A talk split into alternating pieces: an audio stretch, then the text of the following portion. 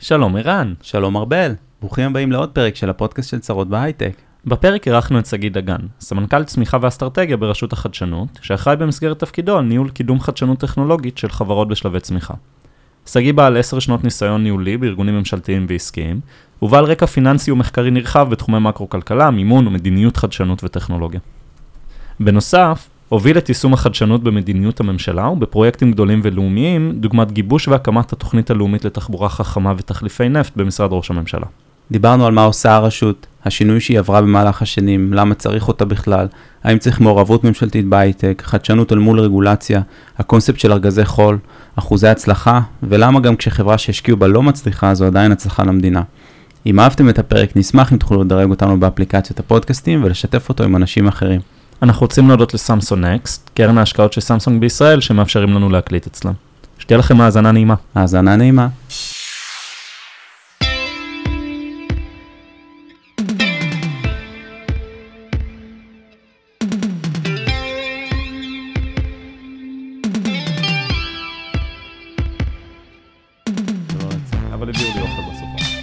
אה, טוב, זה פה, זה פה, סבבה. יאללה. אז בעצם חסכנו לך נסיעה לירושלים היום, או שלא תכננת היום לנסוע? אולי אני עוד אסע. וואו. כן. אז אה, בוא, בוא נתחיל מההתחלה. אה, רשות החדשנות אה, קיימת בערך 4-5 שנים. מה, מה אתם עושים? מה אנחנו עושים? אנחנו בעצם הגוף הממשלתי שאמון על החדשנות בישראל. אה, ואנחנו מקדמים את החדשנות בכמה, בכמה אופנים. אה, דבר ראשון, שמסתכלים על, אה, גם על, גם על סטארט-אפים וגם על, אה, וגם על טכנולוגיה, אז מגיעים כל הזמן גלים, גלים חדשים. ויש אה, אמירה מאוד יפה שכדי לגלוש על גל, אתה בסוף צריך לעלות על גלשן ולהיות בים כשהוא מגיע, נכון? מהמם. אז, אה, אז דבר ראשון שאנחנו עושים זה משקיעים בתשתיות טכנולוגיות, כדי שלכשיגיע הגל הבא, יהיה אפשר לגלוש עליו. אז דוגמה מאוד יפה, למשל בימים אלה זה הקוונטום, שזה עוד, מהמם. שנקרא, זה תשתית יותר ארוכת טווח, אבל יש גם תשתיות שהן לתוך, אה, אה, לשלוש שנים קדימה. מה למשל? אני, אני אתן דוגמה מאוד אה, פשוטה למשהו שאנחנו כרגע משקיעים בו, אה, דווקא יותר מקומי ישראלי, אה, NLP. מהמם. אה, אם אתם רוצים היום... אה, Natural Language אה, Processing. נכון. לקהל. אם אתם רוצים היום להשתמש בקוד של NLP באנגלית, הוא קיים, הוא זמין, קוד פתוח. אה, ב- ברובו. אה, אתם רוצים להשתמש בעברית או בערבית, אה, tough luck, הגעתם לשפה הפוכה, אה, נידחת, שכמה מיליוני אנשים במקרים, במקרה של עברית משתמשים בה. כן. לכן אה, אין הרבה, אין הרבה ספריות שיאפשרו לכם את הקוד הפתוח. ולמה זה בכלל מעניין להשקיע בזה? בעברית. אז, אז זו שאלה מאוד טובה, אתה, אז אחד זה בהסתכלות של, אה, בדוגמה הספציפית הזאת, יש לנו גם שותפים נוספים מהמדינה. אז אם אתם רוצים מחר שהבנק שלכם יהיה יותר מתקדם, או שאתם רוצים ששירותי הביטוח יהיו יותר מתקדמים, הם צריכים להתבסס בין היתר על, על NLP שלא קיים, ולכן עבור בנק בודד לפתח עכשיו NLP לכל השפה העברית, זה פשוט מה שלא יקרה, זה משהו תשתיתי. גוגל באנגלית מפתחת לכל העולם, זה שווה לה, היא מספיק גדולה ונהנית מזה. אז בדוגמה הספציפית הזאת. אה, אנחנו באמת חלק מתוכנית לאומית לבינה מלאכותית, שזה אחד הדברים שהיא עושה. כנראה שאם הממשלה לא תעשה את זה, זה או לא יקרה, או כמו בהרבה דברים שאנחנו עושים, זה יקרה מאוד מאוד מאוד לאט. ועל בסיס התנדבותי כזה, כן, מישהו שמחליט לכתוב ספרייה של NLP בעברית. כן. או שנישאר פשוט אה, אחרי כולם, אתה יודע, אם אתה מאמץ טכנולוגיה 20 שנה אחרי כולם, אז יותר זול, יותר פשוט, פחות מהמם. מסוכן, יותר מהר, אבל אתה נשאר מאחור. התפקיד שלנו הוא בדיוק הפוך, ובגלל זה אני דווקא אוהב את הדוגמה הזאת, זה, להיות, זה לדחוף מהמם. את, ה- את ההייטק ואת המדינה להיות הראשונים. אז נכנסנו לדוגמה ספציפית של NLP, אבל לפני זה אולי אה, אה, נסיים את ההגדרה של אה, מה זה רשות החדשנות. גם למי שלא מכיר, או שבטח שמע, רשות החדשנות בעצם הייתה לשכת המדען הראשי פעם. נכון, אז אם מסתכלים אחורה, אז uh, הארגון כולל uh, הלגאסי שלו כבר כמעט בין 50. אוקיי. אה, אני חושב ששנה הבאה זה יום הולדת 50 כנראה. אה, וזה התחיל ממקום ש, אה, שבתחילת שנות ה-70, בתעשייה הישראלית לא היו עושים מו"פ. מהמם. הייתי אומר בכלל, והייתי די מדויק. מו"פ זה מחקר. R&D למי שלא מכיר, כן. כן? כן, לא היו. עושים R&D. זה- זה ביטוי צבאי כזה מו"פ, אז לא כולם נראה לי. אה, כן, אז, אה, אז בתחילת שנות ה-70, הפוקוס היה לבוא לתעשייה, להגיד להם, תציעו אתם את, ה, את הרעיונות שלכם, את היוזמה שלכם לפיתוח, ואנחנו נתמוך ונוריד ואנחנו מהסיכון. נתמוך בכם ונוריד מהסיכון. אוקיי.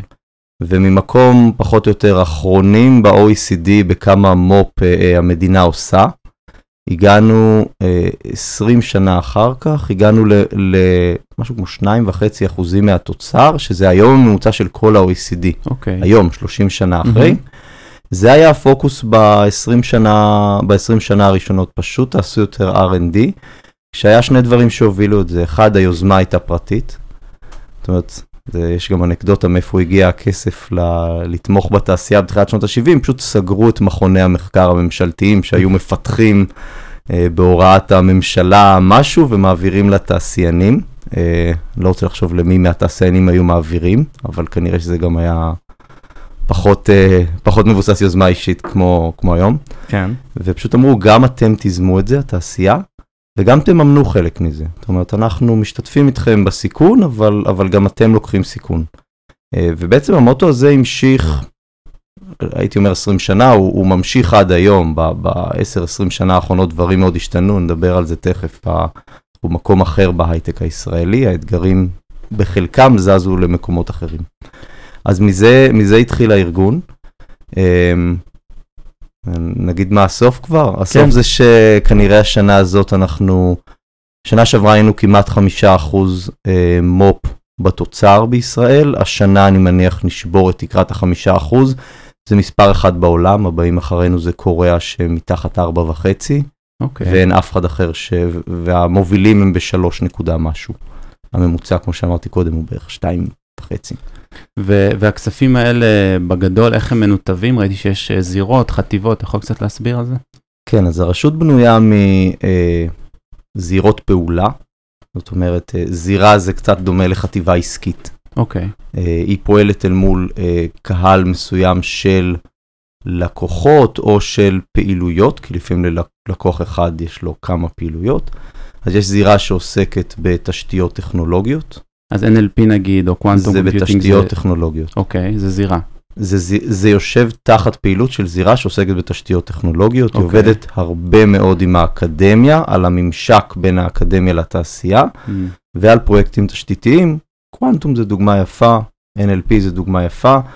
אה, אנחנו מוציאים על הפעילויות האלה אה, קרוב, ל, קרוב לשליש מהתקציב שלנו, ובגלל שאנחנו לא עובדים לבד, אלא גם יחד עם אה, אה, מועצה להשכלה גבוהה, משרד הביטחון, מהמם. עוד גופים שנהנים מהתשתית הזאת, אז כמובן שבסוף זה יוצא השקעה יותר יש לי, יש לי שאלה כזה, אולי בוטה.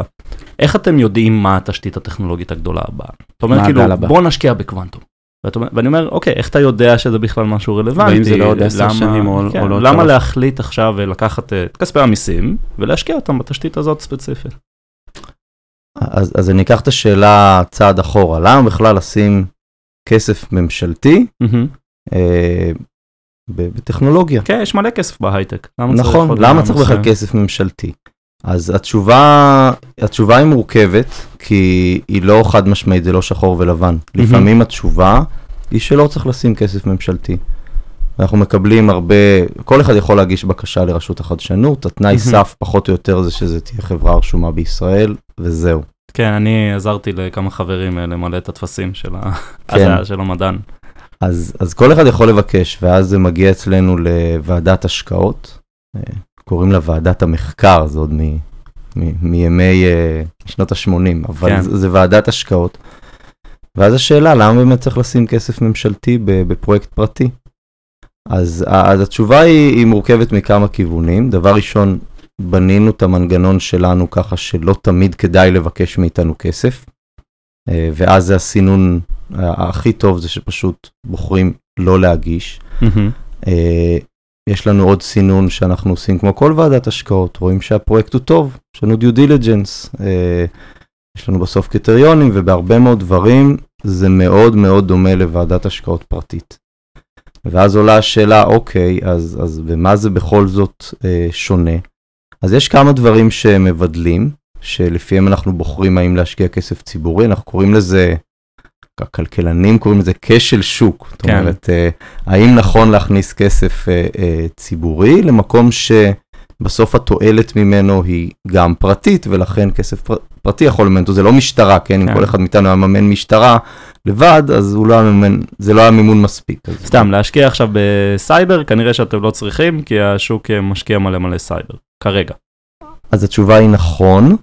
אז מה שגילינו בסייבר זה באמת שבחלק גדול מהפעילויות של הסייבר, או אין בכלל צורך בכסף הממשלתי ולא פונים אלינו. אני מזכיר, אנחנו לא בחינם, ו- ויש כן. עלות ל...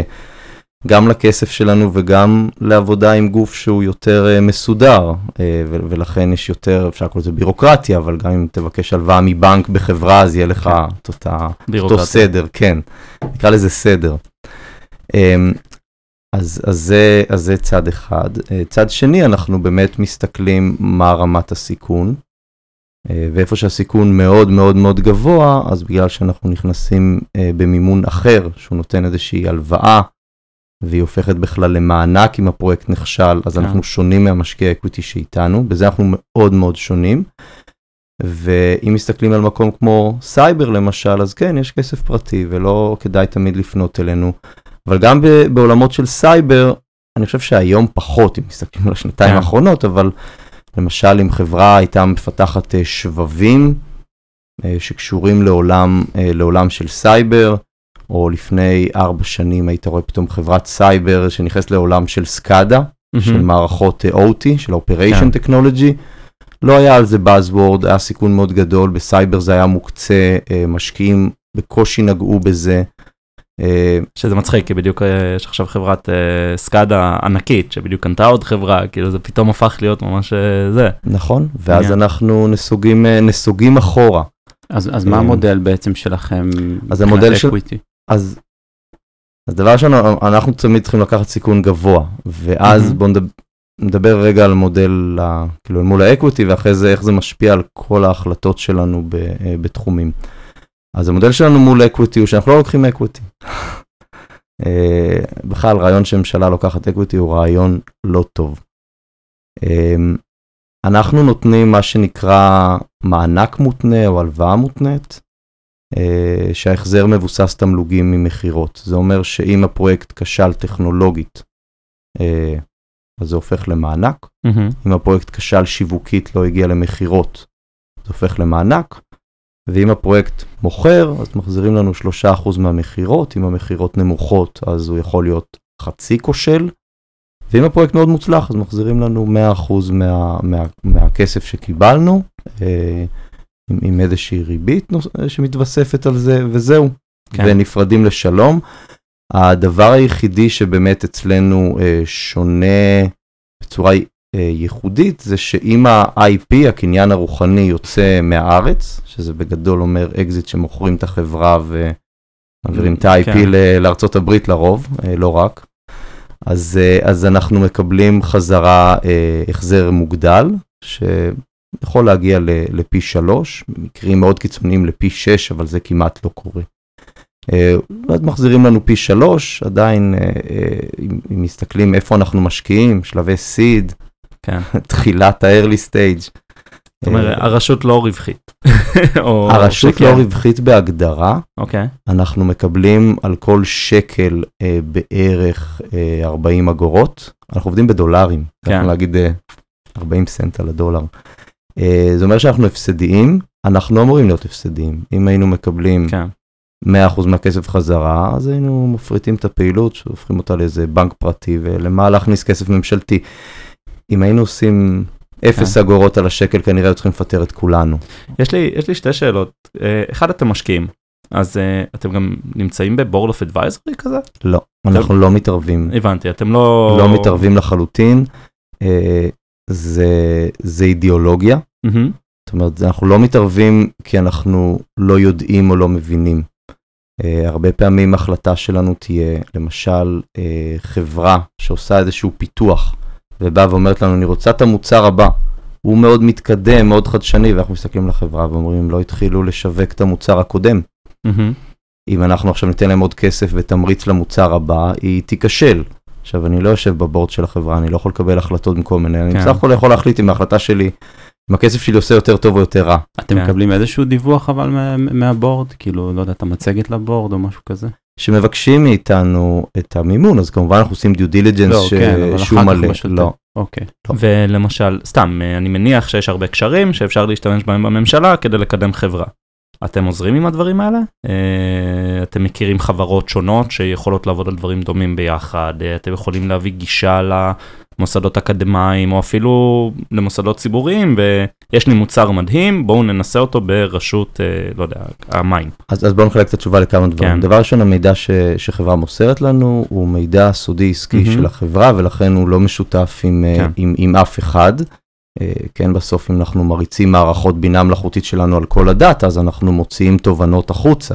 כן. אבל זה לא, זה לא מש- משהו פרטני שאנחנו אה, מעבירים, מעבירים, אסור לנו, אנחנו לא רוצים גם. אה, בסוף אנחנו קרובים לחברות, זה חלק מהרעיון של רשות חדשנות, זה גוף שהוא, כן. הרחיקו אותו מהממשלה כדי להיות קרוב, אה, קרוב לתעשייה. אה, זה גוף שהוא גם מאוד, מאוד קרוב לתעשייה גם ב-DNA שלו, אז זה במקום אחד. מקום שני זה כמה אנחנו עוזרים ב networking. אנחנו עושים פעילויות networking לא קטנות בשוק, אה, אנחנו פחות נעשה נטוורקינג אקטיבי במובן של פיתוח עסקי לחברה ספציפית, מה שנקרא, כן. זה, זה בורד עושה, אה, אבל איפה שאנחנו יכולים, אה, יכולים לעזור, אז אנחנו עושים, יש לנו תוכניות די מסיביות של פיתוח עסקי ווובינרים וחשיפת תחומים חדשים. אנחנו יותר עובדים כמובן על תחומים חדשים, בהם הסיכון הרבה יותר גבוה כן, מכל הסיבות ש, אה, שכולכם מכירים. אה, אז זה מהבחינה, מהבחינה הזאת. לגבי חיבור לממשלה, זה, זה דיון נפרד, זה משהו שהתחלנו באמת בשנים האחרונות, רק אחרי שהרשות קמה, אה, ואפשר לדבר על זה. לא, כי זה נגיד ממש מעניין, אני חושב על זה, אם אני מקים סטארט-אפ, בתחום מסוים, לא יודע, תחום הפרודקטיביות או תחום הסייבר וזה, ואני בא ואני אומר, אוקיי, יש לי design partner, שהוא ממשלת ישראל, זה, זה חתיכת, זה מאוד יכול לעזור לחברה, נכון? זה פתאום אה, אתה מקבל, אתה גם צריך לקבל את החותמת של כל ה-compliance וה-security, וזה זה יכול ממש לעזור. אז זה, זה משם אני בעצם שואל את השאלה. אז, אז זה באמת משהו שהתחלנו ב, אה, בשנים האחרונות, ברגע שהוציאו בעצם את, ה, את הרשות מלהיות משרד ממשלתי והעבירו אותה אה, לגוף, זה נקרא תאגיד ציבורי, זה בעצם תחת חוק, לא תחת, אה, לא הממשלה. אז נהיה לנו הרבה יותר קל לעבוד מול מספר גדול של גם, בואו נקרא לזה גופי מגזר ציבורי במובן הרחב.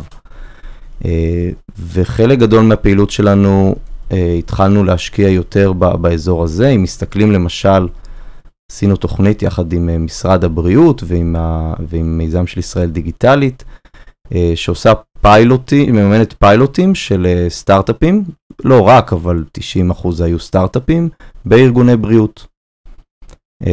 ובעצם אמרנו לארגוני הבריאות, אנחנו נותנים את הכסף לסטארט-אפ, לא לכם, אבל רק אם הוא. יעבוד איתכם. ויצרנו שם, הדבר ראשון, יצרנו תחרות. תחרות זה דבר נפלא.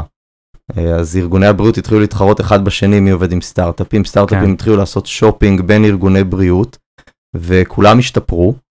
אה, ואם אנחנו מסתכלים למשל על, על ארגון כמו איכילוב, אז, אז איכילוב עלה פי 10 בכמות השת"פים שלו, זאת אומרת, מחד ספרתי ל...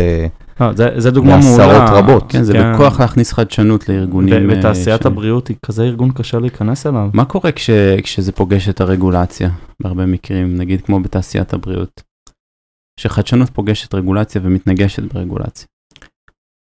רגולציה זה, אה, זה נושא מאוד מאוד מאוד קשה. אה, אני אתן דוגמה, דוגמה פשוטה.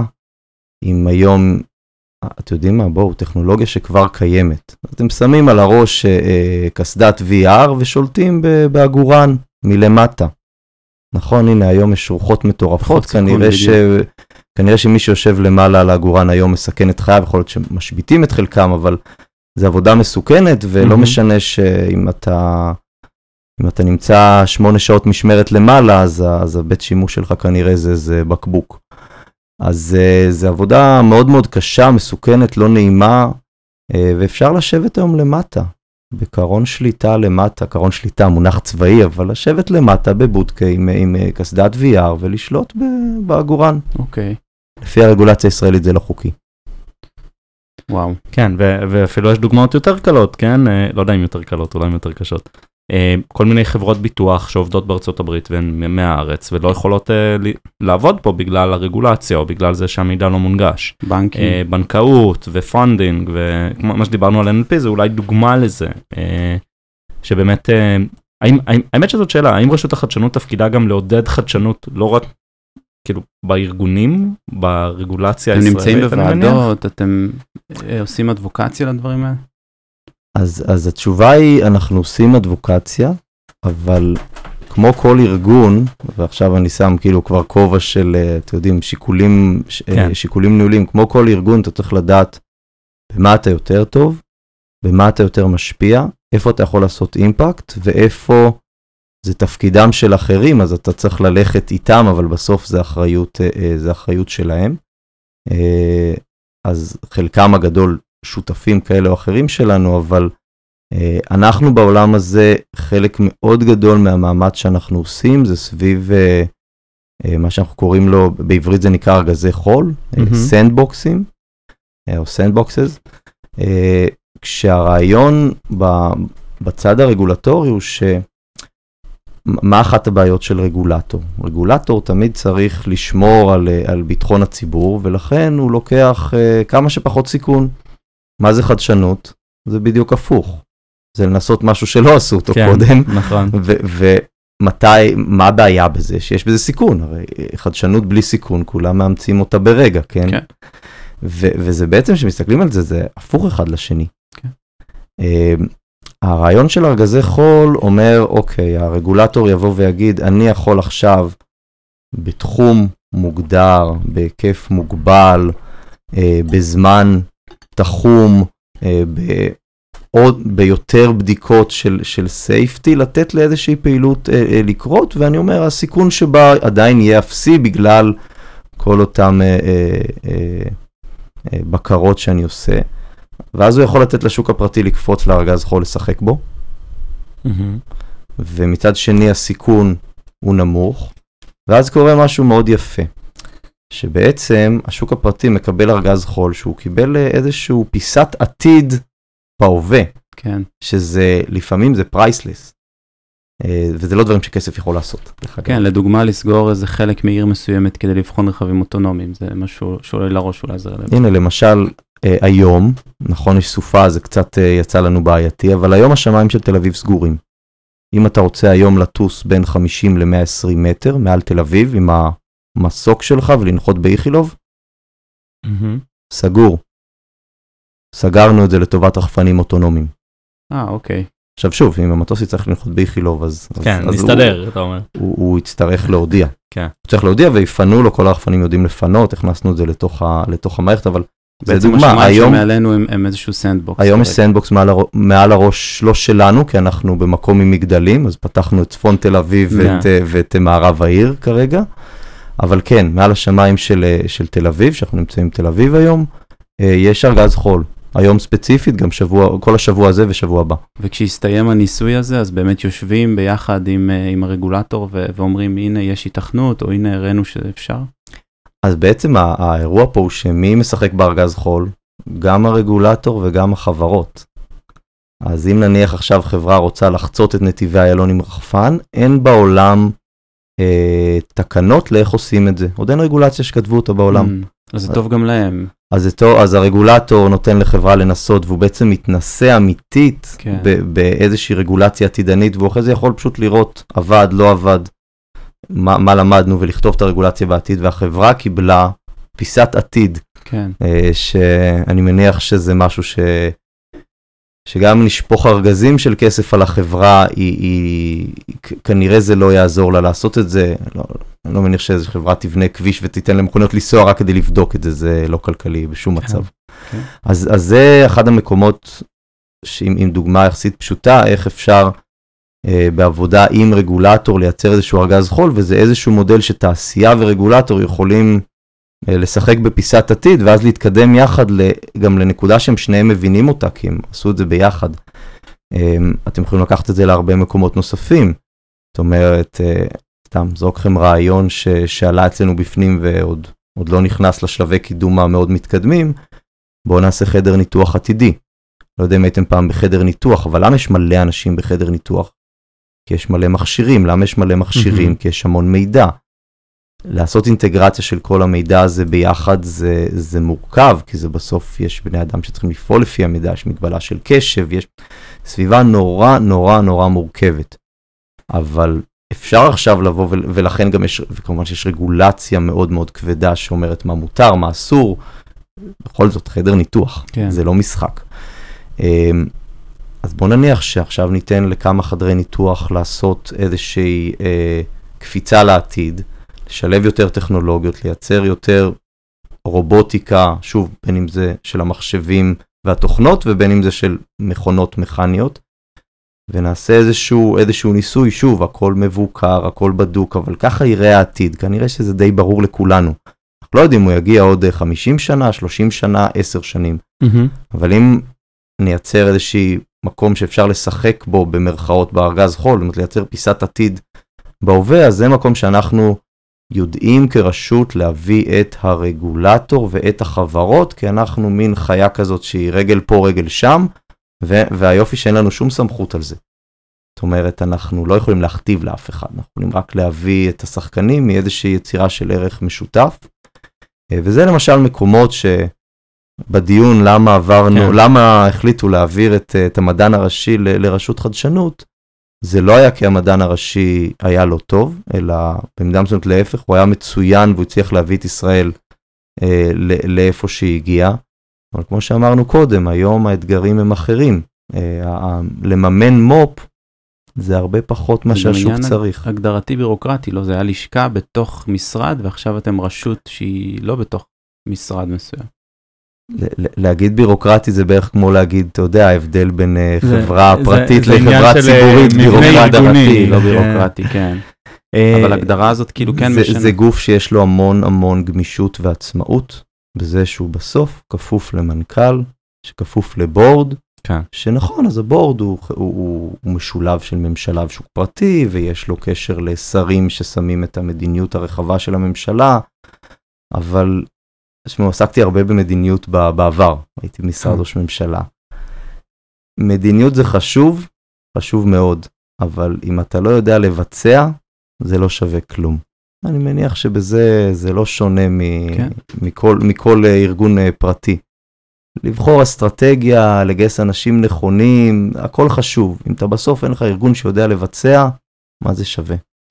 Uh, טוב בואו נעשה קצת פיבוט לנושאים אחרים שמעניין אותי. אז איזושהי מחשבה שהאמת שדיברתי על זה עם חברים שהם שמעו שאתה מגיע, והם אמרו אוקיי בואו נביא משקיעים למילואים. זה סוג של מילואים. שישבו בבורד של רשות החדשנות ובעצם אה, יעזרו לבחור באיזו חברה להשקיע. זה משהו שאתם עושים? אתם כאילו מסתכלים על משקיעים מהשוק הפרטי שיבואו אה, לעזור? לא, לא רוצה לקרוא לזה למילואים, כן? אז uh, יש לנו משקיעים במילואים. אוקיי. Okay. Uh, גם הבורד שלנו יש בו מה שקוראים נצ... נציגי ציבור, שזה קצת דומה לדירקטור מן הציבור mm-hmm. בקרנות פנסיה, כן? בבנקים. אז גם בבורד שלנו יש נציגים מהציבור, אנשי תעשייה, mm-hmm. וגם בכל אחת מוועדות ההשקעה שלנו, שזה ועדות, דרך אגב, שלא כפופות לבורד, הן ועדות שממנים אותן לפי חוק, הן עצמאיות. אה, כמובן, משקיעות לפי, אה, לפי איזשהו מסלול מוגדר, כן? אבל גם בוועדות האלה יש נציגי ציבור, ויותר מזה, אסור לוועדה לעבוד בלי נציגי הציבור. אוקיי. Okay. זה, זה הכרחי, וכמובן שהם מבינים גם בתעשייה, גם בטכנולוגיה, גם בהשקעות, גם במגוון של תחומים. אה, וגם האנשים שעושים אצלנו את ה-due diligence הם, אה, הם בודקים של הרשות, יועצים של הרשות, יש לנו בערך 180 כאלה, שיודעים לבדוק כל דבר משבבים אה, של בינה מלאכותית כן. שאיזה חברה שעם שם בהוואנה לבס הגיע ב-2000. אתה יודע, 2014, 2015, ולך תבין מה לעזאזל הם מנסים לעשות אז. אה, דרך אה, חברה שמביאה אה, חרגולים שהם למאכל וצריך להפיק מהם חלבון. ולך תבין איך נראה תהליך של הפקת חלבון מחיה שהיא, שבכלל לא משתמשים בה לתעשייה. אז כל התחומים, גם אלה הם אנשי תעשייה, הם לא, אנחנו לא מביאים אה, פרופסורים מהאקדמיה ל, אה, כדי להגיד לנו איך המדע, זה, זה צריך לראות שזה בסוף יישומי. אה, וגם האנשים של הרשות עצמם הם אנשים שמגיעים עם, אה, עם רקע מאוד כן. מגוון, אה, כולל מ, מהתעשייה. מה, מה ה-ROI? כמה היית אומר, לא יודע אם ROI, מה אחוזי הצלחה, נקרא לזה? כמה פעמים אתם משקיעים בחברה שמצליחה? אמ, זו שאלה מאוד טובה, אנחנו שמים את המספר על אזור של אה, 70% כישלון. מהמם. זאת שזה יותר טוב מהשקעות פרטיות, אני חושב, נכון? אה, אם אני מכיר את הבנצ'מארק. אה, תלוי, תלוי באיזה שלב, זאת אומרת, אם אנחנו משקיעים ב, ביזם שמביא איזשהו רעיון, אז שם אנחנו לא נצליח להגיע ל-70 אחוז, אם משקיעים ב, אה, בפרויקט בסיכון אה, אה, יותר גבוה, אז, אז 70 אחוז לא בהכרח. אה, סליחה, ה-30 אחוז הוא לא בהכרח יהיה הצלחה פנומנלית. כן, אה, 70 אחוז יגיע ל... אה, ייכשל לגמרי, לא יגיע למכירות, עוד 30 אחוז יגיע, ל... אה, יגיע למכירות, זה לא תמיד הצלחה למשקיעים. אה, אני חושב שזה בסך הכל אחוז שהוא, אה, אה, אה, שהוא סביר. אה, אם מסתכלים כמה מזה מגיע להצלחות מאוד מאוד גדולות, אז כמובן זה, אה, כמובן זה יותר נמוך, אבל זה המקום שאנחנו לוקחים סיכון. אה, אתם יודעים, זה משהו מאוד, מאוד לא טריוויאלי לארגון להיכשל כל כך הרבה. כן, VCs יודעים לעשות את זה, אבל ממשלה, כנראה שמי שממשלה יעשה 70% מהכבישים שהוא סולל יצטרכו לפרק אותם, אז כנראה לא רק יפטרו אותו, אלא ייקחו אותו לבית משפט. כן. אבל חשוב. ב business שלנו זה, זה כנראה סוג הסיכון ש, שאנחנו רוצים לראות. כן, גם חשוב להגיד שאצל VCs ה upside הוא הרבה יותר אה, גבוה, זאת אומרת ה-30 אחוז או כמה שזה לא יהיה, זה הצלחות מטורפות. זה גם... זה נכון, אבל אצלה, לנו יש אה, טריק שעושה את ה upside שלנו הרבה יותר גבוה משלהם. שהוא. Um, בסוף, כשאנחנו משקיעים בחברה, אנחנו משקיעים בשני דברים, באנשים ובטכנולוגיות. ומה שיפה בשני הדברים האלה, זה שהמשקיע רואה את הערך מהם רק כשהם בחברה שהוא השקיע בה. אנחנו רואים את הערך מהם גם שאנשים עוברים לחברה אחרת, והטכנולוגיה מהמם. עוברת לחברה אחרת. אה, גם ברמת המקרו של אנשים נכון. שיותר מועסקים ומצמיחים את הכלכלה בגדול. נכון, יותר מועסקים בימינו, אני לא חושב שפה ברחוב יש אה, מהנדסי. תוכנה אה, אה, מובטלים. אבל אם יש, אז אם יש, לגלות לכם. לגלות לכם, כן, גם אתם מגייסים, כולם. כולם. באמת הגענו, ל- הגענו לנקודה שהשכר פה הוא באמת כמו השכר בארצות הברית, וא', זה חדשות נהדרות, כן, אנחנו רוצים בסוף שכר גבוה, רוצים מדינה מתקדמת, ו- ו- וזאת הדרך, כן, הקשיים שיש לנו הם קשיים ש... בוא נגיד ככה, זה, זה קשיים של מצליחים, כן, זה לא הקשיים של אה, נכשלים, אבל אני חוזר שנייה צעד אחורה, אנחנו רואים את התועלת הזאת בצורה מאוד מאוד מאוד רחבה. זאת אומרת, כל חברת קוונטום עכשיו שקמה על איזשהו פרויקט אה, אה, שצמח מ- מ- מאוניברסיטה, אם החברה הזאת תיכשל, תחשבו לאן האנשים יעברו, תחשבו לאן. בסוף הידע לא באמת יושב בפטנטים, הוא יושב בתוך ראש של אנשים, בתוך עבודה עם קבלני משנה, עם יועצים, עם, כן. אה, עם, עם אנשי האוניברסיטה ש, שהביאו את הרעיונות. הידע מחלחל להמון מקומות, ואנשים עוברים להמון מקומות, וזה בעצם התועלת האדירה שהמשק אה, רואה, והיא הרבה יותר גדולה מה, מהמשקיע הפרטי, וזה הסיבה, דרך אגב, חוזר ל- לאמירה הראשונה, למה תמכו ב-R&D במדינה בשנות ה-70, אה, מהסיבה שזה באמת מחלחל לכל המשק ומייצר תועלת מאוד מאוד גדולה, אה, וזו הסיבה שבכל העולם תומכים ב-R&D. אה, אנחנו דווקא בישראל, התמיכות שלנו הן בין הכי נמוכות בעולם היום, לא, לא, לא כי אנחנו לא שמים כסף, אלא כי השוק נהיה כל כך גדול שהמשקל שלנו מאוד קטן. זאת אומרת, אולי רשות החדשנות עושה הרבה רעש, אבל אתם יודעים כמה אנחנו בכסף מתוך המספר הזה של החמישה אחוז מהתוצר R&D? לא. כמה זה כסף שלנו? לא יודע. אנחנו מתחת 2 אחוז.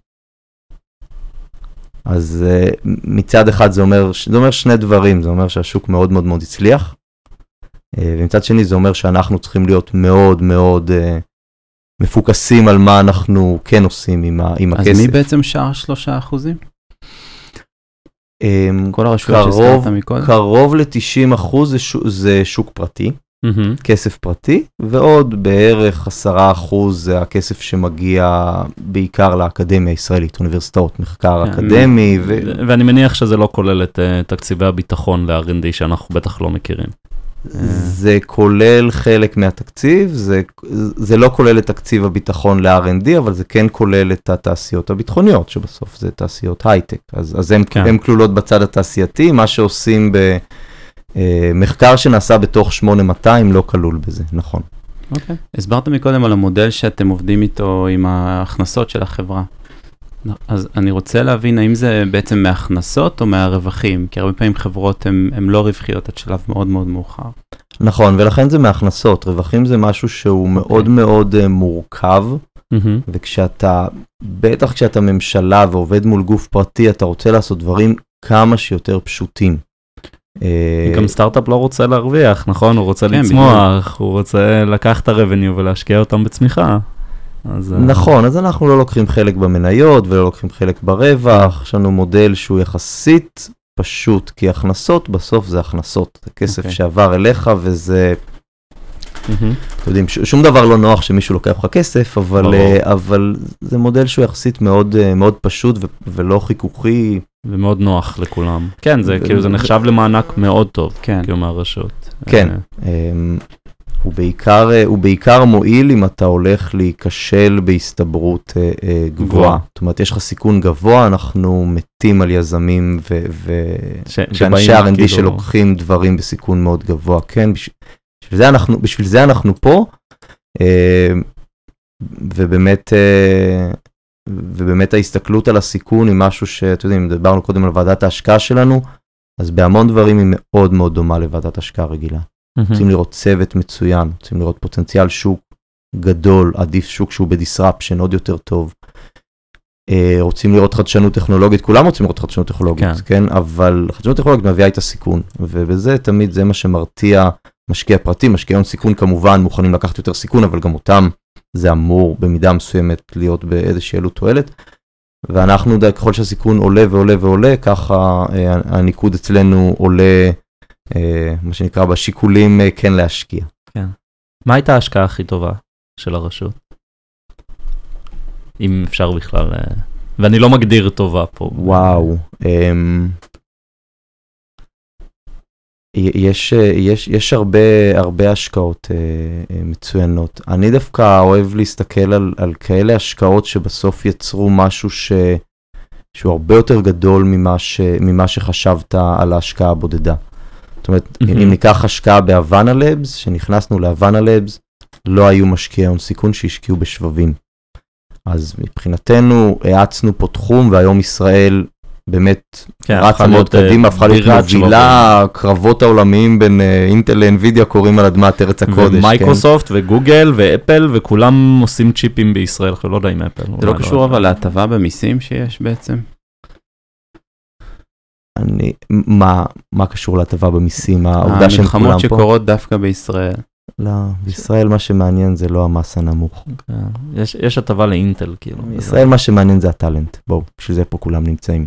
אוקיי. אה, אני חושב ש, שזה דוגמה נניח יפה למשהו שהצליח, זה תחום, אגב, שלנו, יש לנו פורטפוליו יפה של חברות שבבים, היום כבר אנחנו לא, לא משקיעים בהם, כי זה כבר, הם עברו את הסיד ואת ה-early stage, כן? אה, אבל פורטפוליו מאוד יפה שצמח בתקופה שלא היה בו כסף לשבבים, אז זה נניח דוגמה יפה על איזשהו ענף שנתנו לו בוסט קדימה. אה, יש דוגמאות אחרות, הדוגמה על, ה, הדוגמה על החממה של שטראוס היא נורא יפה. כי שטראוס הקימו חממה לפני בערך שבע שנים בנושא, בתחום שנקרא, היום נקרא פודטק. מהמם. עכשיו, אחד, יש סיפור נורא יפה, אחד העובדים שלי סיפר לי שהוא היה ב-2015, לא לפני 200 שנה. היה באיזה כנס בפריז של ה-OECD, והיה שם אה, דיונים על נושא תעשיית המזון, והיה שם כנס על החדשנות במזון. אתם יודעים על מה דיברו בחדשנות של מזון? מהמם. פרוביוטיקה. 2015, לא אה, אפילו המאה הזאת. אז, אז היום באמת כל תחום הפודטק המריא למעלה, ואנחנו שמנו איזושהי השקעה באותה חממה של שטראוס, והם היו גורם שבעצם יצר המון אקו סיסטם מסביבו, אז זה נניח השקעה שהיא מאוד מאוד יפה, כי היא נתנה הרבה יותר מהכמה מיליונים או, או עשרות מיליונים ששמנו בחברות. אה, את הדוגמה של הרחפנים אני נורא אוהב. בסוף בהחלטה אחת אה, די אמיצה ש, שלקחנו לפני שנה, mm-hmm. אתם יודעים, רצנו ותראו את ה... תראו פה, עכשיו נמצאים מתחת לארגז חול, מעל הראש שלכם יש פה כן, שמיים פתוחים. בסוף השקענו בזה סכומים ש...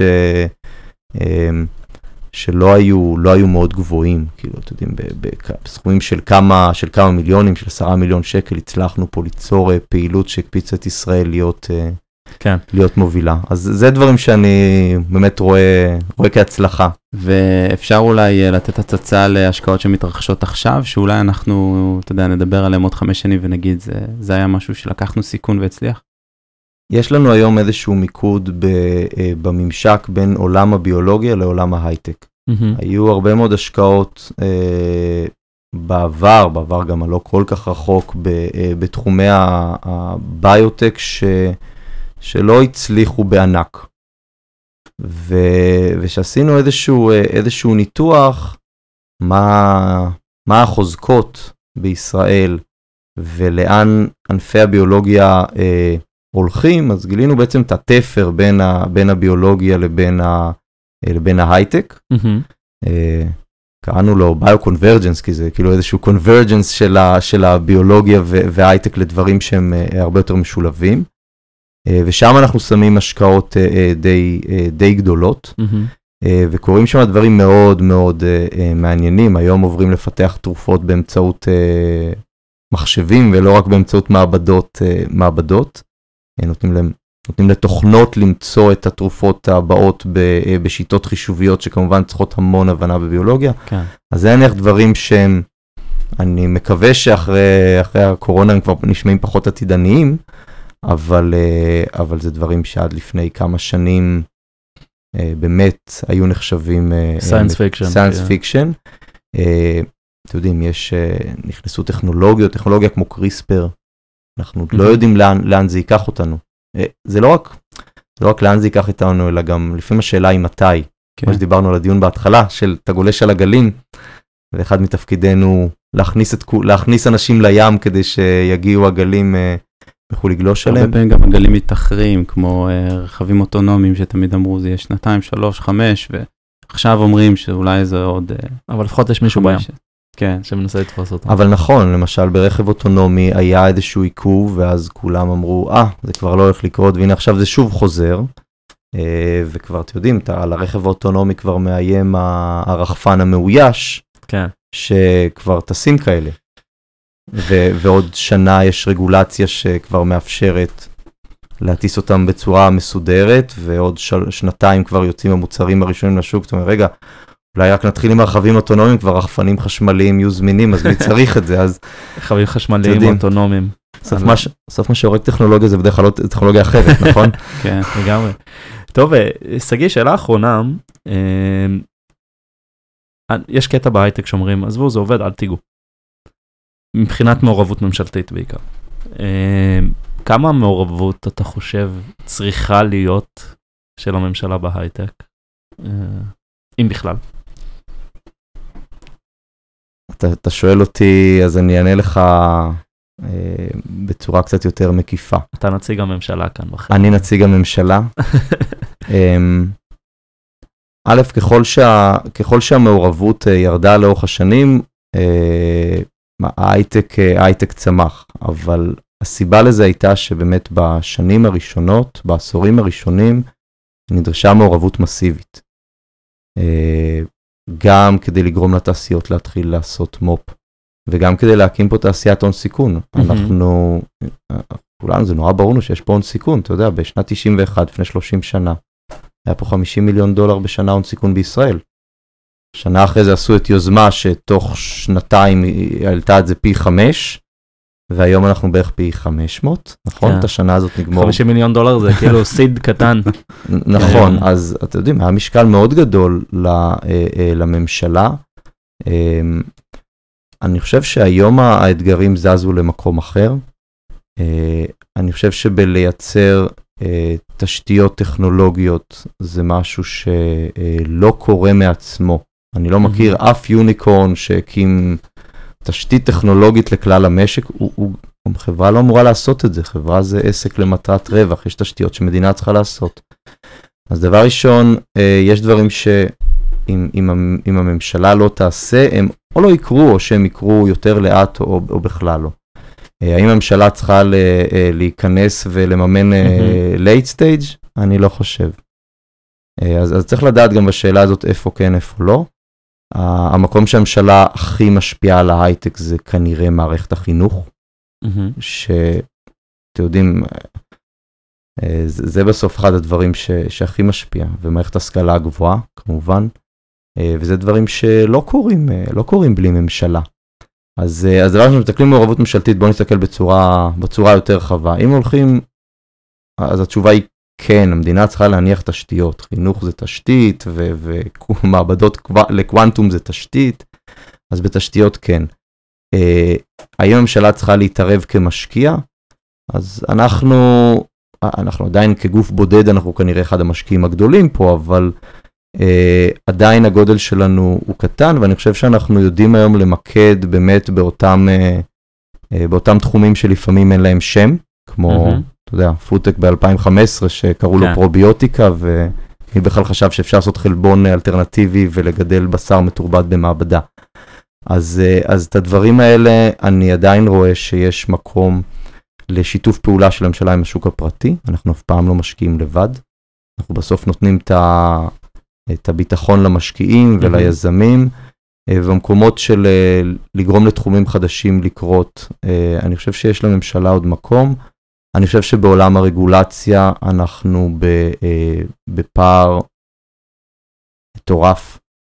כאילו הגלי טכנולוגיה שמתנפצים כן. במאה ה-21 על הממשלות גורמות להם להיות אה, מאוד מאוד אה, מאחורה, ובוא נגיד ככה, אפילו בדוגמאות שנתתי לכם של ארגזי חול, אני חושב שאפשר לעשות עוד כמה עשרות רבות, ואפשר להביא את הממשלה להיות design partner של, אה, של תעשייה.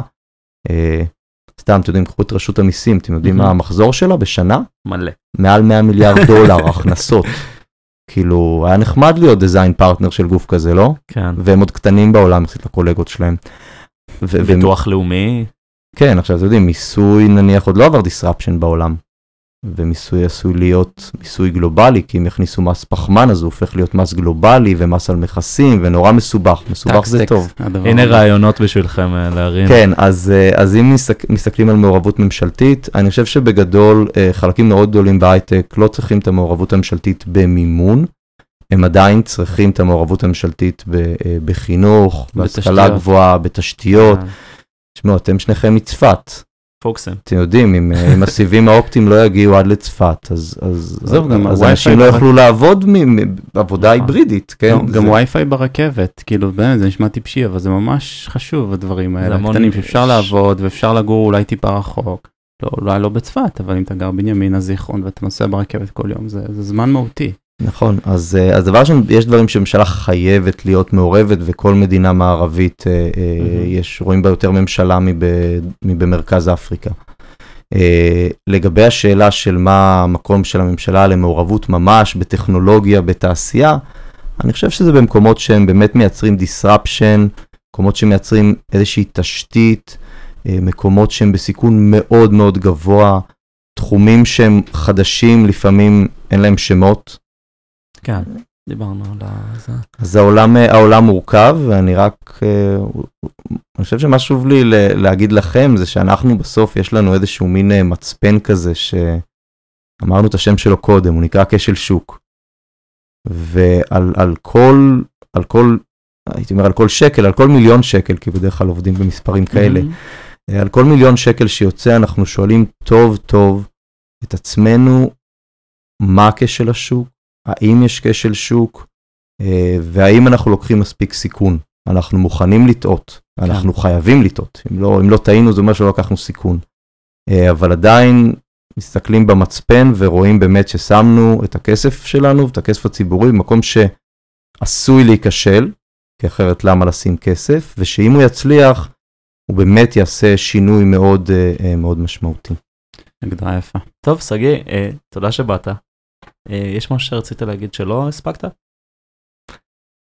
אה, רציתי להגיד שאתם יודעים, אנחנו ברשות החדשנות בסוף, אה, אנחנו חלק מההייטק. נכון שיש לנו ככה את הרגל השנייה בממשלה, אבל אני חושב שמה שקורה פה בשנים האחרונות, זה, זה באמת איזשהו הזדמנות אדירה ואיזשהו שינוי שהוא הולך ללוות פה את, ה, את המדינה עשרות שנים קדימה.